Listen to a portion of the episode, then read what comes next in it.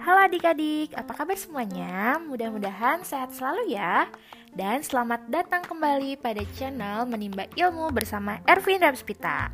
Nah, pada podcast kali ini kita akan belajar dan mengenal lebih jauh tentang tempat tinggal hewan. Apakah kalian memiliki hewan peliharaan? Jika iya, di manakah mereka tinggal? Nah, ternyata hewan memiliki tempat tinggal yang berbeda-beda loh.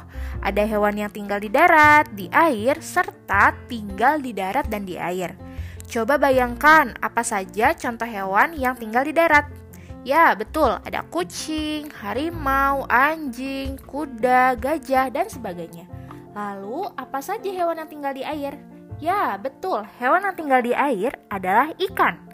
Terus, apa ya hewan yang tinggal di darat dan di air?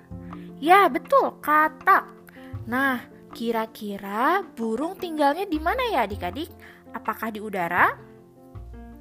Karena tempat tinggal hewan terbagi menjadi tiga bentuk, yaitu darat, air, serta di darat dan di air, juga udara itu berada di daratan, maka burung bertempat tinggal di daratan ya.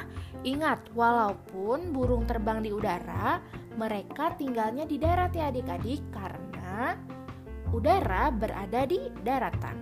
Nah, apakah kalian semua sudah paham? Jika iya, mari kita simpulkan pembelajaran hari ini.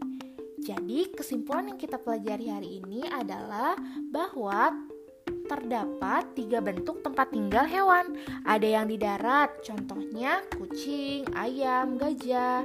Lalu ada yang di air, yaitu ikan, serta tinggal di darat dan di air, yaitu katak. Nah, sekian dulu ya materi tentang tempat tinggal hewan. Dan see you in the next podcast. Bye!